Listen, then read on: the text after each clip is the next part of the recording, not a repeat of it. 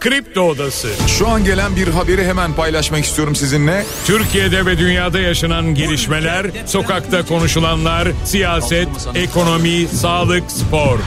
Son dakika haberleri, konuklar ve uzman görüşleri. Güçlü Mete ile Kripto Odası başlıyor.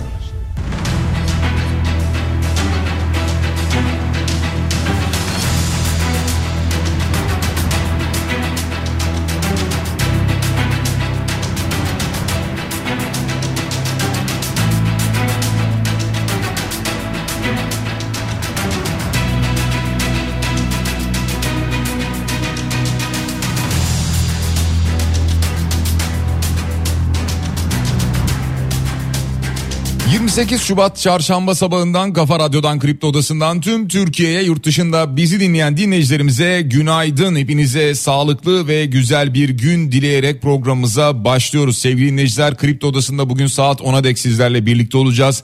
Gündemdeki başlıkları değerlendireceğiz. Sizler de görüşlerinizle fikirlerinizle programa katılmak isterseniz Twitter üzerinden güçlü mete yazarak bana ulaşabilirsiniz. WhatsApp hattımızın numarası 0532 172 52 32. Hemen gündemdeki başlıklarla başlıyoruz programımıza gündemin önemli başlıklarına bakalım. Cumhurbaşkanı Erdoğan'dan Özgür Özel'e yönelik bir mesaj var. 31 Mart'ta onu da özgürleştireceğiz dedi Erdoğan.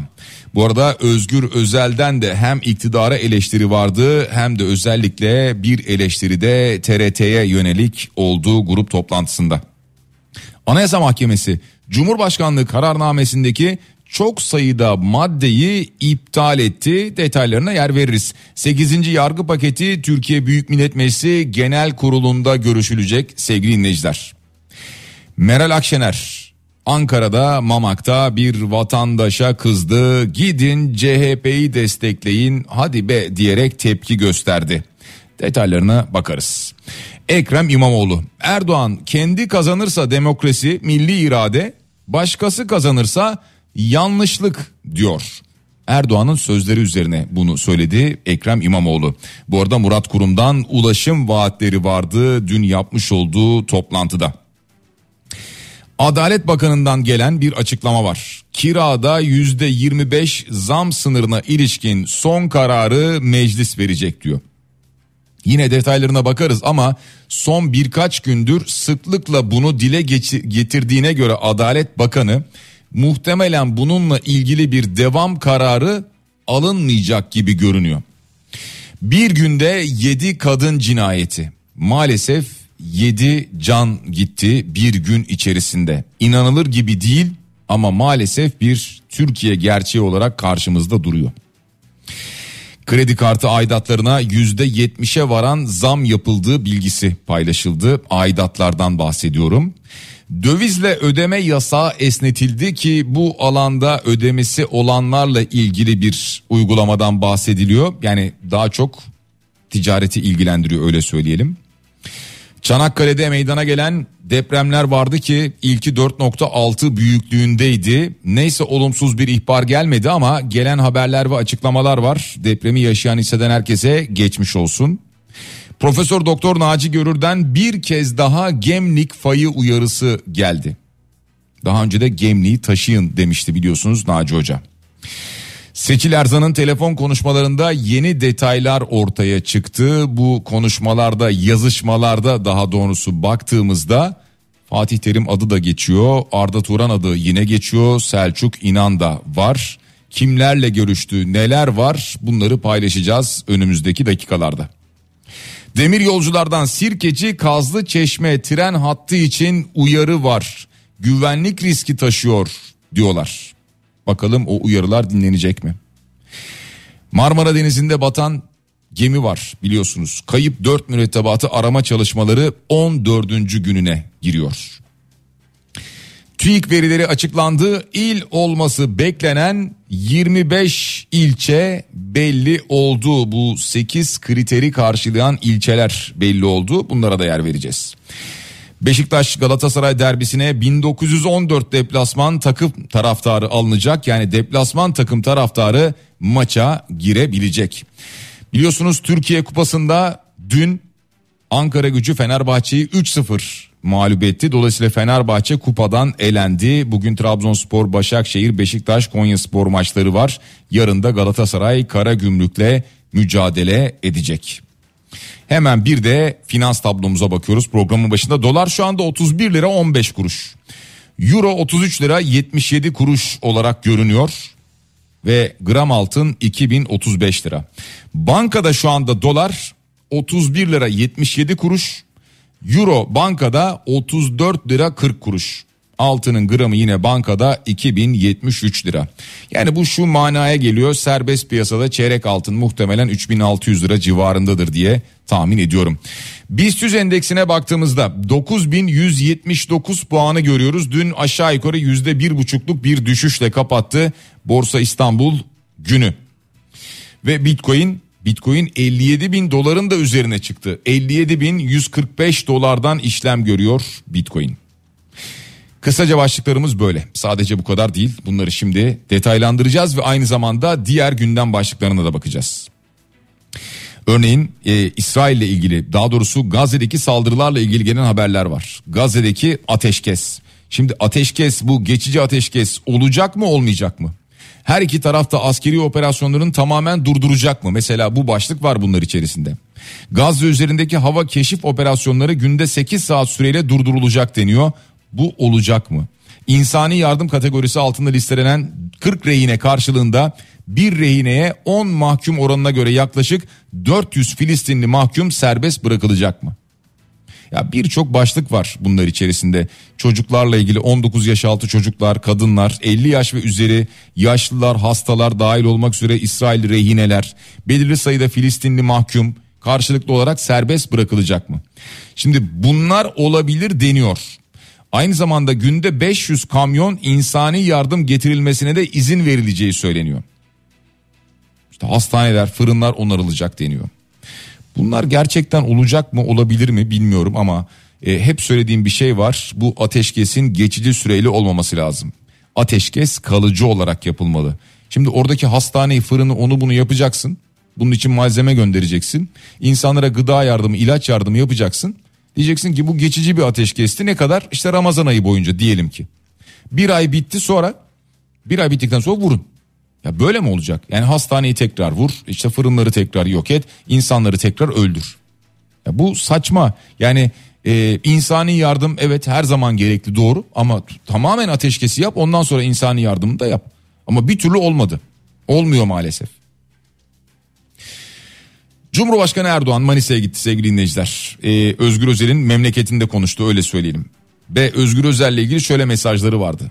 Partisine sözünü geçiremediği halde borusunu buralarda öttürmeye heveslenen biri var dedi. Hiç merak etmesin kendini boşuna paralamasın boynuna vurulan prangalardan kurtarılacağı gün çok yakın dedi. 31 Mart'ta onu da özgürleştireceğiz dedi. İşte daha önce Kemal Kılıçdaroğlu'nu özgürleştirdik diyordu ya. Şimdi Özgür Özel üzerinden ismiyle de bağlantılı olarak onu da özgürleştireceğiz mesajını veriyor Cumhurbaşkanı. E, bu arada burayı da Cumhur İttifakı olarak aldığımız zaman durum ne olacak dedi. Herhangi bir aksama olmadan Ankara ve Manisa el ele verecek. Buradaki hizmetler artarak devam edecek diye bir açıklama yaptı. Yani e, oyunuzu bize verin. Bize verirseniz oyunuzu daha çok hizmet gelirse aksamaz hizmet dedi. Yani çünkü diğer türlü aksadığını veya diğer şehirler için söyleyelim. Hadi muhalefet e, partilerinin e, başında bulunduğu şehirler için söyleyelim. Oralarda hizmetin nasıl aksadığını zaten genel itibariyle o şehirlerde yaşayanlar biliyorlar herhalde öyle değil mi? Bizim buradan tekrar etmemize gerek var mı? Ee, Özgür Özel konuşmasında ağırlıklı olarak e, tabii ki iktidarı eleştirdi ama bir yandan da e, TRT'yi eleştirdi. Yani TRT'yi şunun üzerinden eleştiriyor doğal olarak. E, diyor ki işte tarafsız olması gereken, özerk olması gereken TRT işte bakıyorsunuz diyor Murat Kurumu 29 dakika Ekrem İmamoğlu'nu 0, Hamza Dağ 26 dakika Cemil Tugay'ı 0, Turgut Altınok'u 17 dakika Mansur Yavaş'ı 0 dakika vermiş diyor. Veya kendisiyle ilgili örnekler de verdi. Yani işte Erdoğan'a ne kadar vermiş, Özgür Özel'i ne kadar vermiş. Diyor ki bizi de zaten 6-7 dakika grup toplantılarını veriyor diyor. Her e, programımızı takip ediyorlar ama diyor. Her programımızı takip ediyorlar ki arıyorlar bir yanlışlık olsa da bunu yayınlasak diye diyor. Şimdi e, Yani bunun e, vatandaşta bir karşılığı olur mu onu bilmiyorum. Yani TRT'ye eleştirinin vatandaşta bir karşılığı olur mu bunu bilmiyorum. Ama TRT gerçekten de e, ağırlıklı olarak tabii ki reklam alıyor ama ağırlıklı olarak e, bizim paralarımızla yayın yapan bir kamu kurumu. Bir kamu kurumunun da e, bu noktada kendisine biraz çeki düzen vermesi gerekmez mi? Biz bile şurada haberleri verirken aktarırken size ki özel bir kurum kuruluşuz. Bir görüşümüz var, bir fikrimiz var, bir hayata bakış açımız var. Mümkün olduğunca eşit oranda aktarmaya çalışıyoruz haberleri. Veya şimdi önümüzdeki dönem bir seçim dönemi e, bir ille ilgili ilçeyle ilgili bir aday konuk alacaksak rakibini de konuk alarak bunu yapmaya çalışıyoruz. Yani bunu özel bir kurum, özel bir kuruluş dikkate alıyorsa TRT'nin almaması imkansız. Yani TRT'de o dakikaların bile eşit olması lazım. Veya şunu yapabilirsiniz dersiniz ki iktidar partisi var. Yani işte e, şu anda iktidarda olduğu için onunla ilgili işte icraatlar var. Haberleri biraz daha fazla veririm. Buna bir oran koyarsın. Dersin ki oy oranı bu kadar bu kadar yer vereceğim. İkincinin bu kadar, üçüncünün bu kadar, dördüncünün bu kadar, beşincinin bu kadar. Bunlara da bu düzen içerisinde bir yer vereceğim dersin. Ya gerçekten inanılmaz. Neyse e, bu kısmı geçelim. E, o şu anda Özgür Özel'in eleştiri konusu oldu. Madenler alarm vermeye devam ediyor diyor aynı zamanda. Ekonomiyle ilgili eleştirileri de vardı. Ramazan pidesinin fiyatının 15 lira olduğunu söyledi ama işin içinde bir oyun var dedi. Bir e, tablo gösterdi. Geçen sene 300 gram pide 10 lira. Bu sene 250 gram pide 15 lira. Yani hem fiyata zam yapıyorlar hem gramajdan alıyorlar. Böyle olduğunda zam yüzde 80 diyor. Hani enflasyon yüzde 64'tü diyor. Şimdi 10 liradan 15 liraya geldi diye düşünüyorduk değil mi? E, ama 300 gram pideydi o diyor. 250 grama düştü pide 15 lira oldu diyor. E dolayısıyla e, hesapladığınız zaman %80 ortaya çıkıyor. Hani enflasyon %64'tü diye soruyor aynı zamanda Özgür Özel. Kemal Kılıçdaroğlu'ndan bir açıklama gelmiş. Daha doğrusu kendisine sorular sorulmuş. Buna ilişkin kendisinin açıklamaları olmuş. Muhalif yazarı Ayla Ganioğlu. Ee, cevaplar çok enteresan bu arada onu söyleyeyim de ben size. Ya birincisi diyor ki gündemi değiştirecekler diyor. Yani çünkü ekonomi üstüne gündemi tutmazlar bu son bir ay içerisinde seçime kala diyor. Ee, bundan sonra gündemi değiştirirler yine terör gündemine çekerler gündemi diyor. Muhtemelen böyle olacaktır diyor görürsünüz diyor ama mesela enteresan dediğim şey şu. Kendisine Ayla Ganeoğlu sormuş 1 Nisan sizin için ne ifade ediyor? Diyor ki 1 Nisan Nisan ayının birinci günü o kadar. Kemal Kılıçdaroğlu'nun cevabı bu. Seçimin ertesi günü olarak diye Ayla Ganeoğlu tekrarlıyor. Diyor ki seçimin ertesi günü her seçimin bir sonraki günü vardır. Yani e, cevaplar böyle. Mesela diyor ki çok aday çıkması oyların bölünmesi nedeniyle 1994'teki başarısızlığın tekrarlanabileceği yorumları var. Böyle bir beklentiniz var mı sorusuna ben partinin başarılı olmasını isterim diyor. Yani hiç böyle e, röportajımı ciddiye almıyor. Röportaj mı vermek istememiş. E, sorular mı kendisine garip gelmiş. E, gerçekten anlaşılabilir gibi değil ama Kemal Kılıçdaroğlu'nun cevapları böyle olmuş. Anayasa Mahkemesi Cumhurbaşkanlığı kararnamesindeki birçok maddeyi iptal etti. Ee, yüksek mahkeme kamuda çalışanların fişleyen maddeyi, onların fişlendiği maddeyi, hastaları ve sağlık emekçilerinin kişisel verilerinin işlenmesini sağlayan maddeyi ve Çevre Bakanlığı'na verilen üst düzey yetkileri iptal etmiş. Ee, Anayasa Mahkemesi'nin bu kararnamedeki iptallerine ilişkin acaba e, bakalım nasıl bir tepki gelecek diye de merak etmiyor değiliz bir yandan. Çünkü Anayasa Mahkemesi'ne son zamanda e, son zamanlarda hükümetin yani sadece hükümetin demeyelim e, AK Parti'nin ve Devlet Bahçeli'nin MHP'nin çokça itirazı var çünkü. E, sert eleştirileri var hatta öyle söyleyelim. Şimdi 8. yargı paketi mecliste genel kurula geliyor ve burada görüşmeler başlıyor. E, 8. yargı paketi içerisinde birçok başlık var da e, buna muhalefetin de itirazı var. Yani muhalefet diyor ki siz e, değil işte 8 e, 108 yargı paketi getirseniz sorunlar çözülmez diyorlar. Yani muhalefetin itirazı bu yönde.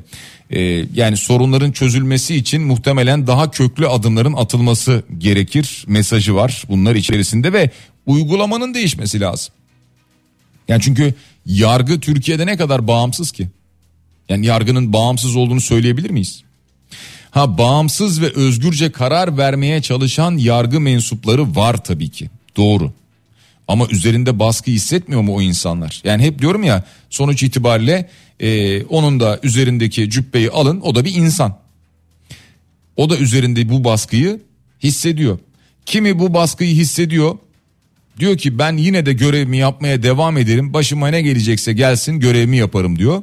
Kimi diyor ki böyle bir baskı var üzerimde ben şimdi görevimden olmayayım bulunduğum bölgeden uzaklaştırılmayayım e, ailem de var e, ne yapayım ben bu baskıya biraz boyun eğeyim diyor.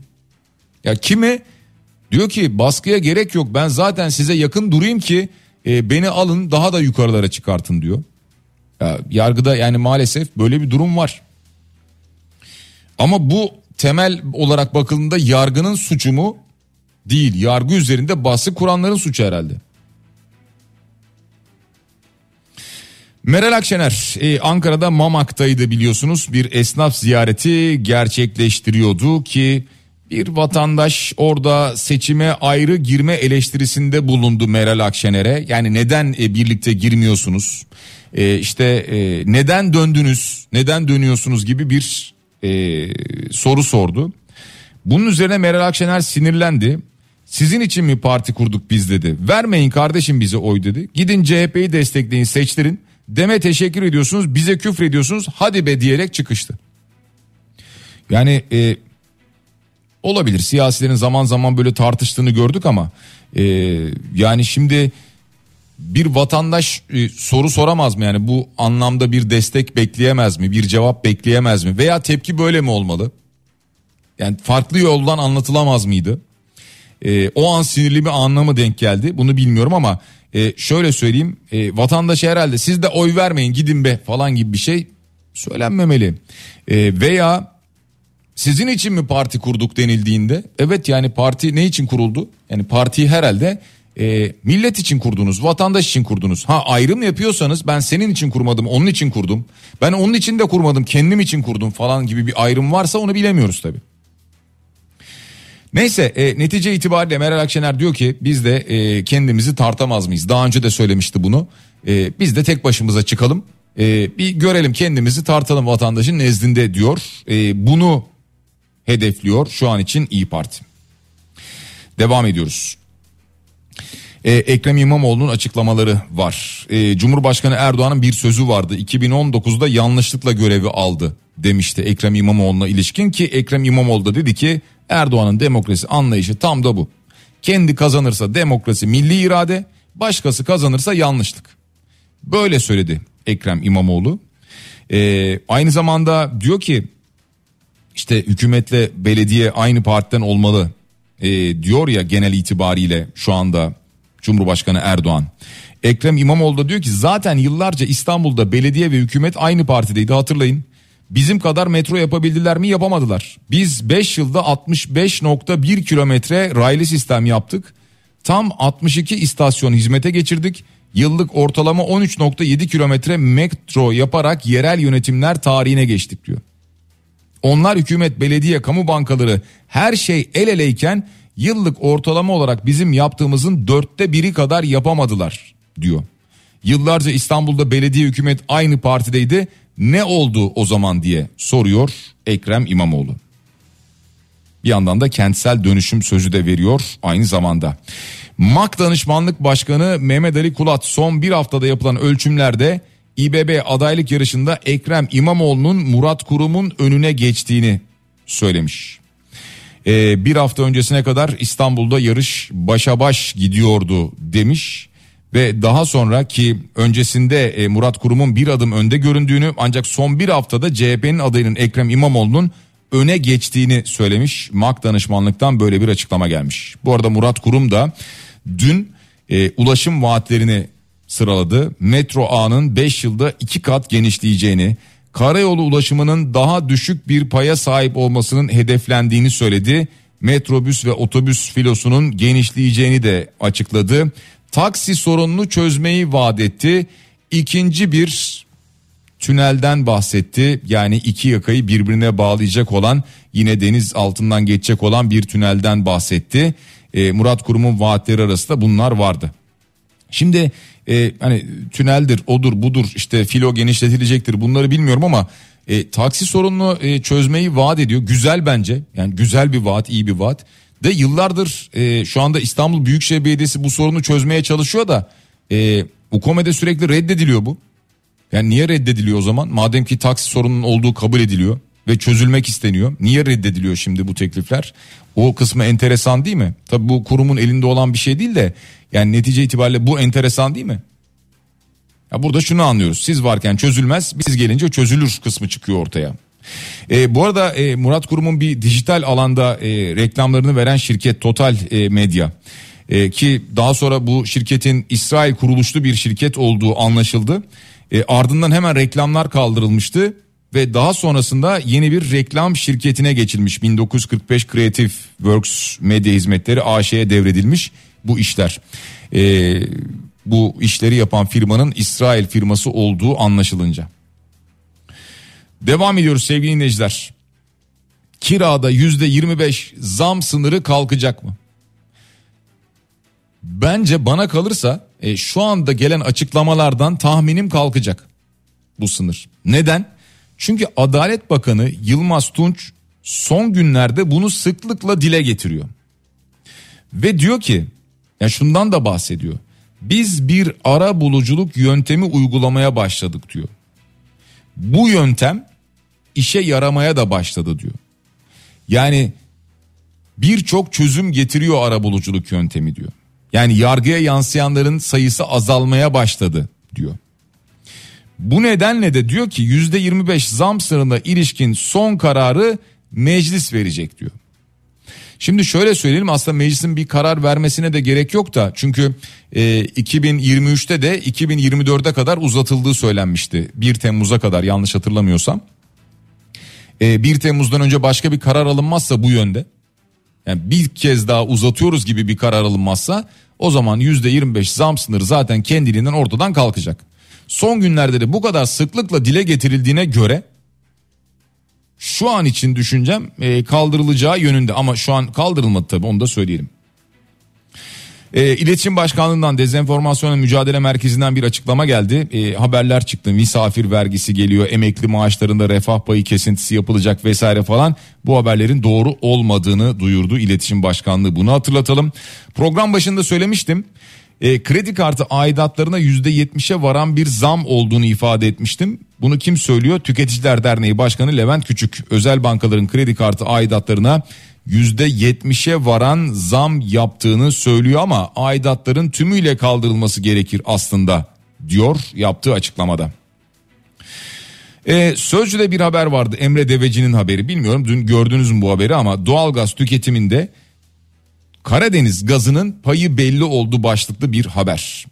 E, tüketim bir önceki yıla göre Türkiye'de yüzde 5.5 düşmüş bir defa.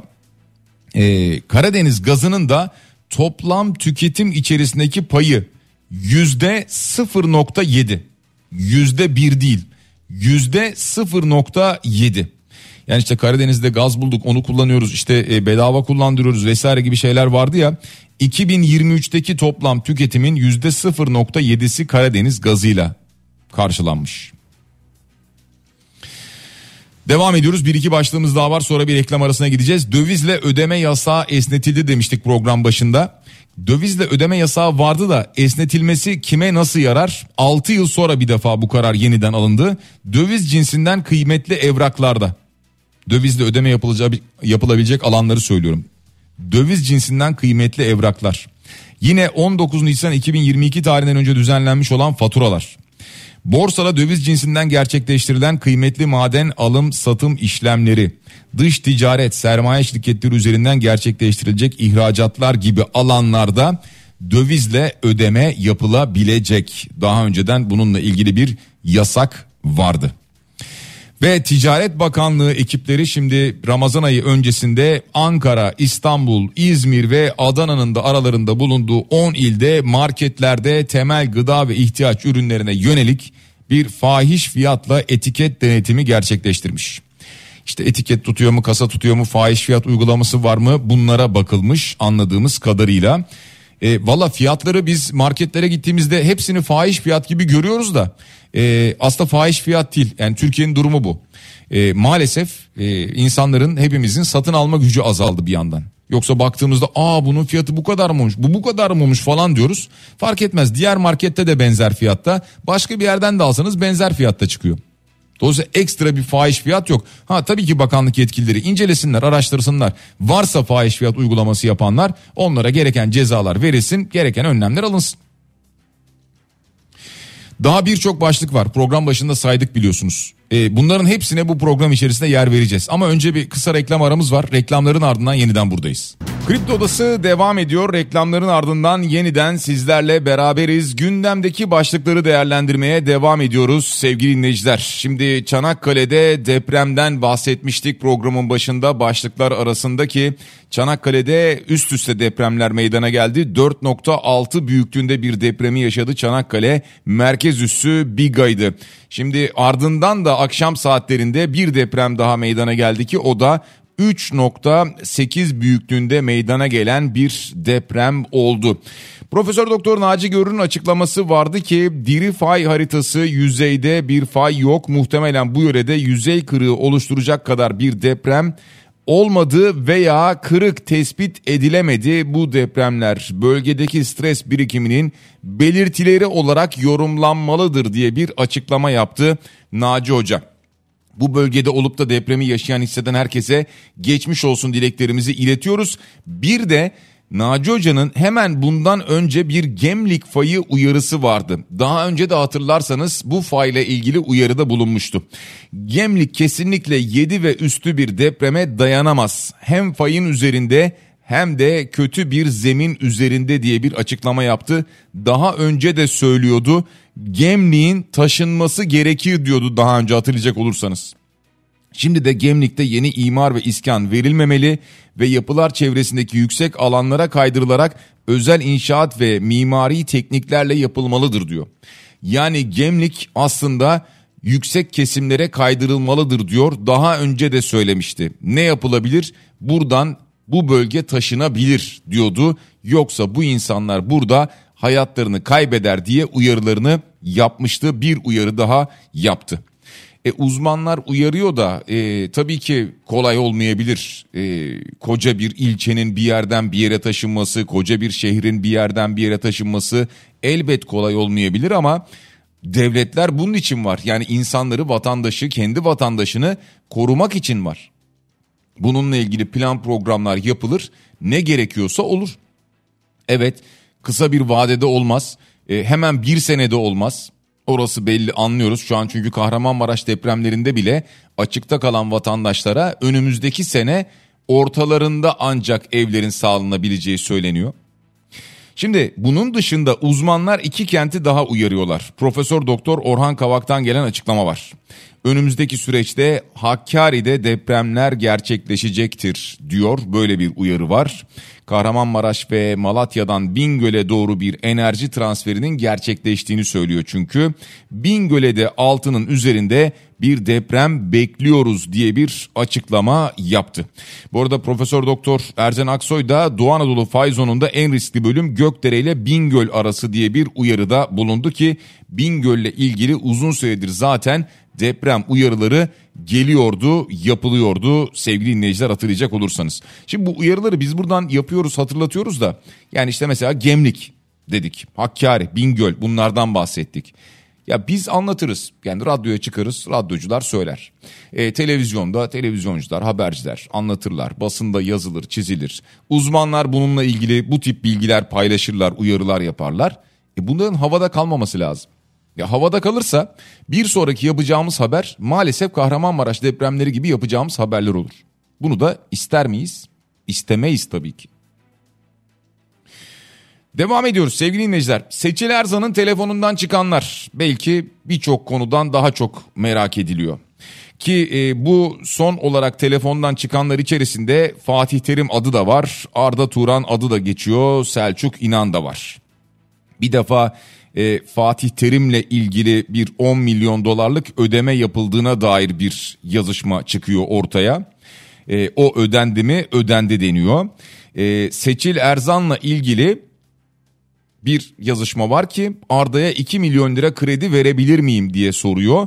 Ki burada da Mehmet Aydoğdu'dan Fatih Hoca'yı ne yaptın arayacaktın kısmı var ki daha sonra Arda ile ilgili de yani verebilirsin kredilere onaylatabiliyorsan ver gibi bir cevap geliyor. Şimdi daha da ötesi şu Selçuk İnan'la ilgili bir yazışma var. Yani işte iyi bir insan işte seviyoruz vesaire falan diyor ama diyor ki biraz kazandıralım geri alalım. Selçuk düzgün çocuktur ona mesai harcamamız gerekiyor. Bir memnuniyet yakalarsak hepsini geri alırız diyor. Yani bunun aslında e, nasıl bir ponzi yöntemi olduğu bir şekilde ortaya çıkıyor anlaşılan öyle değil mi? E, bu arada işte yine ismi geçenler arasında Denizbank Bölge Müdürü Sermin Tekin de var. Onunla mesajlaşmaları da var bu yazışmalar içerisinde. Onun da adı geçiyor. Ee, aynı zamanda işte Denizbank'ın genel müdür yardımcısı olan Mehmet Aydoğdu biraz önce bahsettik. Onun da mesela adı geçiyor. WhatsApp üzerinden yapılan konuşmalarda. Ee, tabii bu şu an e, yargının kontrolünde. Yani buradan sonrasına yargı karar verecek ve işte bazı telefonlardaki yazışmalar silinmiş olan yazışmalar bir şekilde geri çağrılıyor e, ve bu şekilde bulunabiliyor. İşte bulunanlar da bu şekilde dosyaya giriyor. Dosyaya girdikçe de basınla paylaşılıyor, basına yansıyor ve işte yansıyan kısımlarından en çok dikkat çeken bölümleri aslında bunlardı. Devam ediyoruz. Biliyorsunuz bir gemi battı Marmara'da. Batuhan A isimli gemi. Kayıp 4 mürettebat var. Halen onlara ulaşılamıyor. 14. güne girildi. 612 personelle deniz, hava ve karadan arama çalışmaları devam ediyor. Ee, daha önce de ben sizlerle paylaşmıştım. Şimdi gemi daha çok aranıyor ama e, muhakkak e, gemi çevresi de aranıyordur demiştim. E, ki nitekim öyle zaten. E, son olarak dün midye çiftliğine de dalış yapmış dalgıçlar. Yani ağlara takılma ihtimaline karşın o bölgeye de girmişler fakat oradan da şu an için bir haber gelmedi. Yani muhtemelen e, deniz, akıntı, e, dalgalar bir şekilde sürükledi diye tahmin ediliyor ve araştırmalar, çalışmalar devam ediyor. Tabi bu arada Erzincan İliç'te maden ocağında toprak altında bulunan e, 9 işçiyi de unutmuş değiliz. E, orada şu anda heyelan riski ortadan kaldırılmaya çalışılıyor.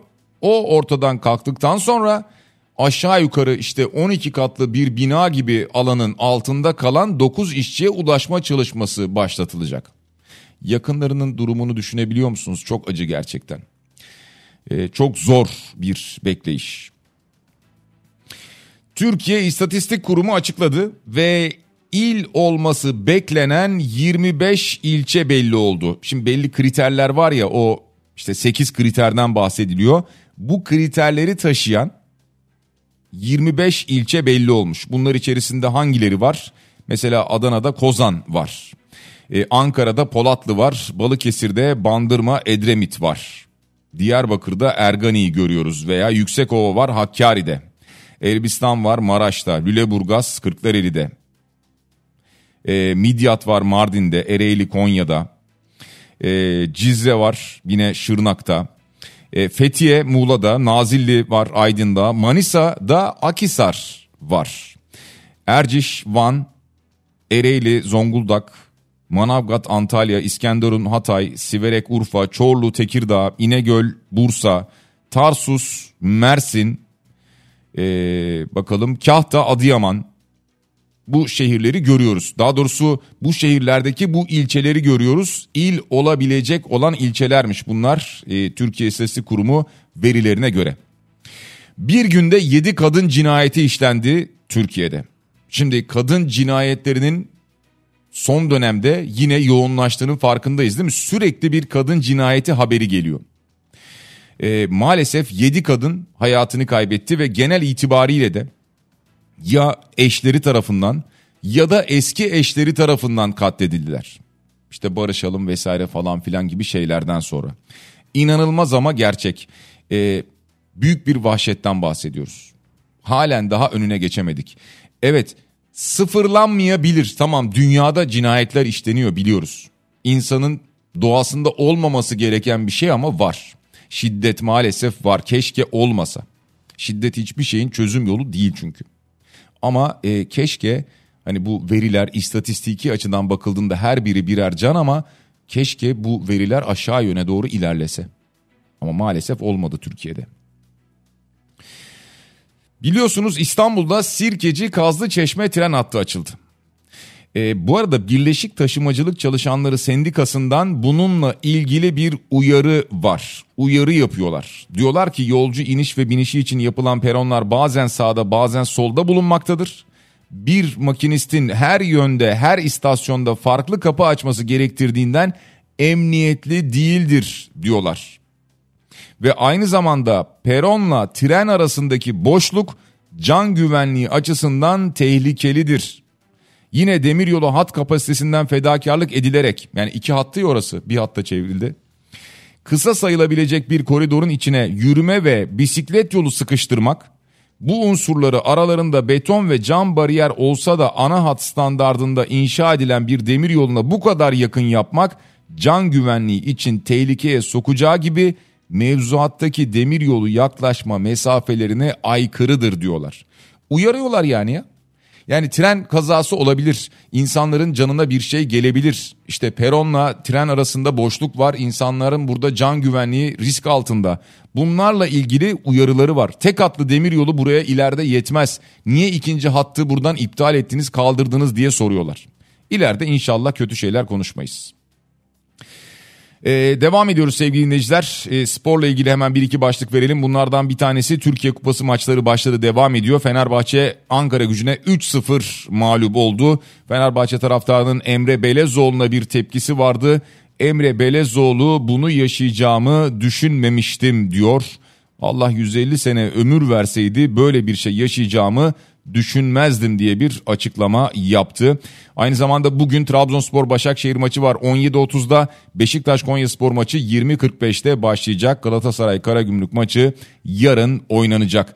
Bu arada Süper Lig'de oynanacak olan Beşiktaş Galatasaray derbisine deplasman seyircisinin alınacağı kararı da dün duyuruldu. Hatırlayacak olursanız 1914 Galatasaray taraftarı Beşiktaş maçında tribüne alınacak sevgili dinleyiciler. Bu arada Fenerbahçe ile Galatasaray arasındaki atışma tartışma devam ederken bu tartışmaya şimdi Aziz Yıldırım da dahil oldu ve konu biraz da FETÖ üzerinden devam ediyor şu anda bir tartışma var Galatasaray ile Fenerbahçe camiası arasında. Evet e, biz artık programın sonuna geliyoruz sevgili dinleyiciler. E, Cenkere Teknik Masa'na teşekkür ediyoruz. Biraz sonra Bediye Ceylan Güzelce Güzel Şeyler programında sizlerle birlikte olacak. Yarın sabah aynı saat diliminde yeniden buluşana dek hepinize sağlıklı ve güzel bir gün diliyorum. Şimdilik hoşçakalın.